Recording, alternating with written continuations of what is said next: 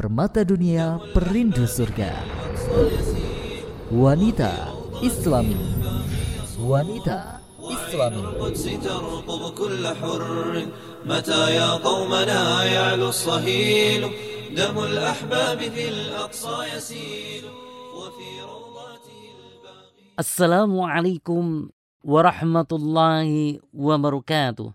Pendengar muslimah yang berbahagia, walimah pernikahan merupakan suatu tanda syukur seorang suami terhadap istri yang dia nikahi dan walimah juga merupakan sunnah Rasulullah Shallallahu Alaihi Wasallam. Namun pelaksanaan walimah tidak jarang dijumpai beberapa kekeliruan umum dan kemungkaran yang dibenci oleh Allah Subhanahu wa taala dan Rasulnya Shallallahu alaihi wasallam. Dan sangat disayangkan hal ini sudah dianggap biasa oleh kaum muslimin dan bahkan sebagian mereka menganggap kurang utama kita tidak melaksanakan kemungkaran tersebut padahal tak jarang kemungkaran itu berbau kesyirikan yang merupakan dosa yang terbesar di sisi Allah Subhanahu wa taala.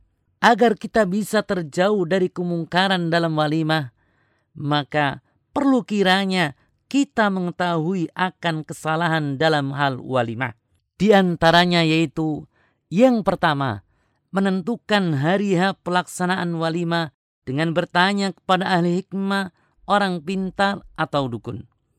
Hal ini merupakan suatu kemungkaran yang besar sebab barang siapa yang mendatangi dukun lalu bertanya kepadanya tentang sesuatu walaupun kita tidak mempercayainya maka tidak akan diterima sholatnya selama 40 hari dan jika sampai membenarkan atau melaksanakan anjuran sang dukun bahkan mempercayainya maka bisa menyebabkan seorang terjatuh dalam kufur akbar.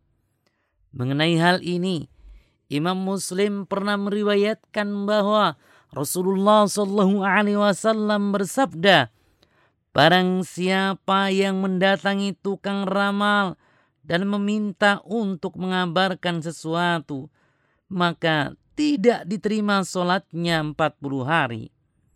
Kemudian dalam riwayat Abu Daud dari Abu Hurairah radhiyallahu anhu beliau berkata, Rasulullah Shallallahu alaihi wasallam bersabda, barang siapa yang mendatangi dukun kemudian membenarkan perkataannya, maka ia telah kufur dengan Al-Quran yang telah diturunkan kepada Muhammad Sallallahu Alaihi Wasallam. Kemudian kesalahan dalam hal walimah yang kedua yaitu menghindari pelaksanaan walimah pada bulan suro atau haram. Hal ini biasanya melekat pada masyarakat Jawa yang masih menganut aliran kejawen. Bulan ini merupakan pantangan untuk melaksanakan pernikahan. Sebagian masyarakat yang lain menghindari bulan safar dalam pelaksanaan walimah. Mereka meyakini bahwa bulan Safar merupakan bulan sial. Oleh karena itu, mereka tidak mau melaksanakan hajatan apa saja pada bulan itu, baik pernikahan, khitanan, atau pekerjaan penting lainnya. Padahal ini merupakan keyakinan syirik dan warisan dari agama orang-orang jahiliyah. Hal ini sebagaimana sebuah hadis riwayat Imam Bukhari bahwa Beliau sallallahu alaihi wasallam bersabda, tidak ada penularan penyakit secara langsung, tidak juga tiara, tidak ada kesialan karena burung hantu dan tidak ada kesialan karena bulan safar. Kemudian yang lainnya dari kesalahan dalam hal walimah yaitu yang ketiga menggunakan jasa pawang hujan sebelum pelaksanaan walimah. Sebagian kaum muslimin ada yang pergi ke pawang hujan lalu meminta jasanya untuk menahan air hujan agar selama pelaksanaan walimah berjalan lancar. Perbuatan ini juga termasuk kesyirikan karena meyakini bahwa Anda selain Allah Subhanahu wa taala yang mampu menahan turunnya hujan.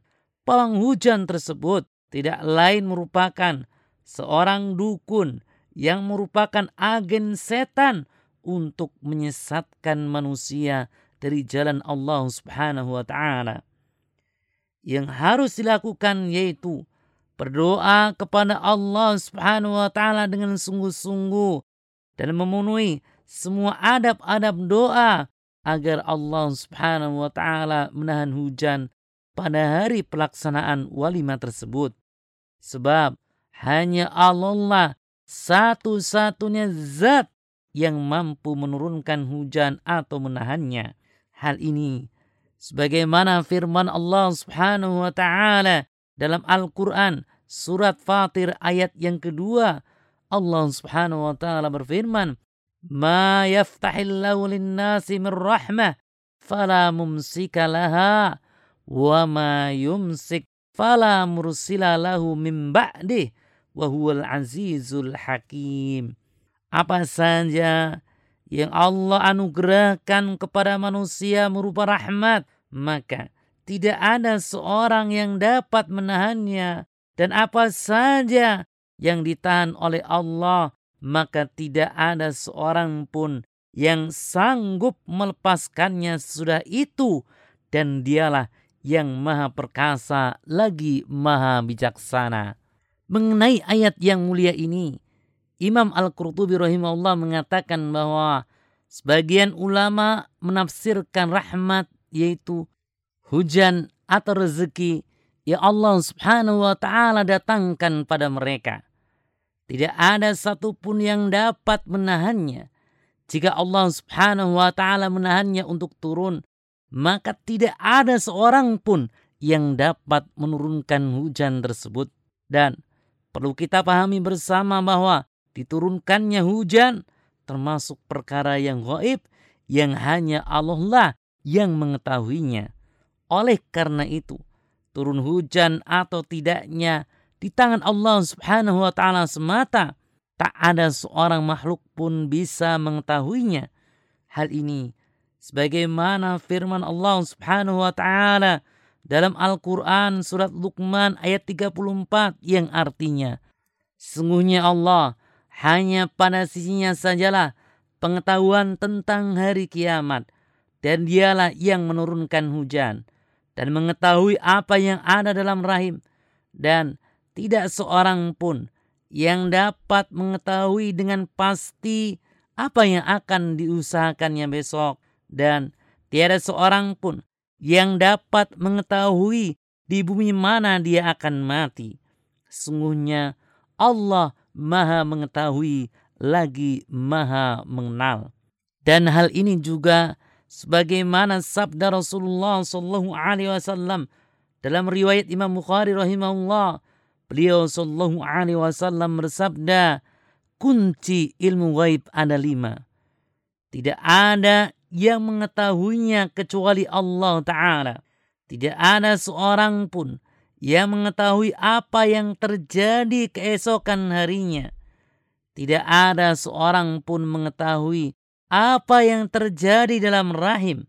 Tidak ada satu jiwa pun yang mengetahui apa yang ia lakukan besok. Tidak ada satu jiwa pun yang mengetahui di manakah ia akan mati. Tidak ada seorang pun yang mengetahui kapan turunnya hujan. Kemudian, kesalahan walimah yang keempat yaitu menyertakan tradisi-tradisi jahiliyah atau kejawen dalam pelaksanaan walimah. Sebagai seorang muslim, kita harus percaya diri dengan keislaman kita dan hukum Islam harus lebih tinggi dari segalanya. Setiap acara, baik itu upacara dan adat istiadat yang bertentangan dengan Islam, maka wajib untuk dihilangkan. Umumnya, umat Islam dalam acara perkawinan selalu meninggikan dan menyanjung adat istiadat setempat sehingga sunnah-sunnah Nabi Sallallahu Alaihi Wasallam yang benar dan sahih telah mereka matikan dan padamkan. Di antara tradisi yang bertentangan dengan ajaran Islam yaitu menginjak telur ayam yang dilakukan oleh pasangan pengantin, menaburkan beras kuning, dan lain sebagainya. Kemudian, pendengar muslimah yang berbahagia. Yang kelima, dari kesalahan dalam hal walimah yaitu menyandingkan pengantin pria dan wanita di kursi pelaminan di hadapan para undangan perempuan atau ibu-ibu atau undangan campuran.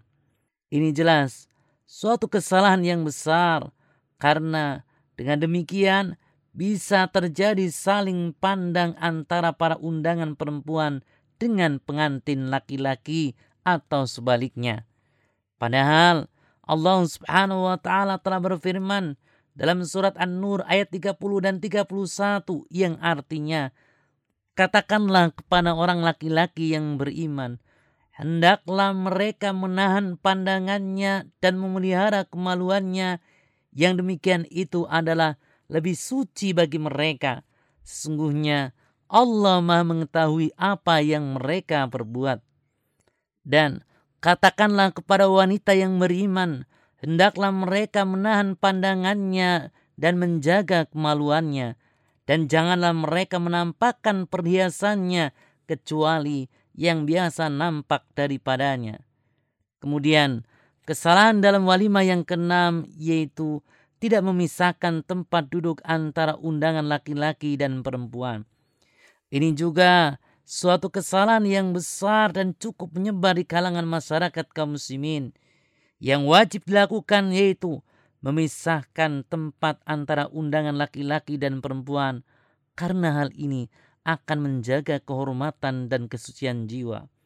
Hal ini sebagaimana yang diriwayatkan oleh Abu Daud dari Ibnu Umar radhiyallahu anhu ia berkata bahwa Rasulullah Shallallahu alaihi wasallam ketika membangun masjid beliau membuat pintu khusus untuk wanita dan dia berkata tidak boleh seorang pun laki-laki masuk dari pintu ini. Demikianlah pendengar muslimah yang berbahagia.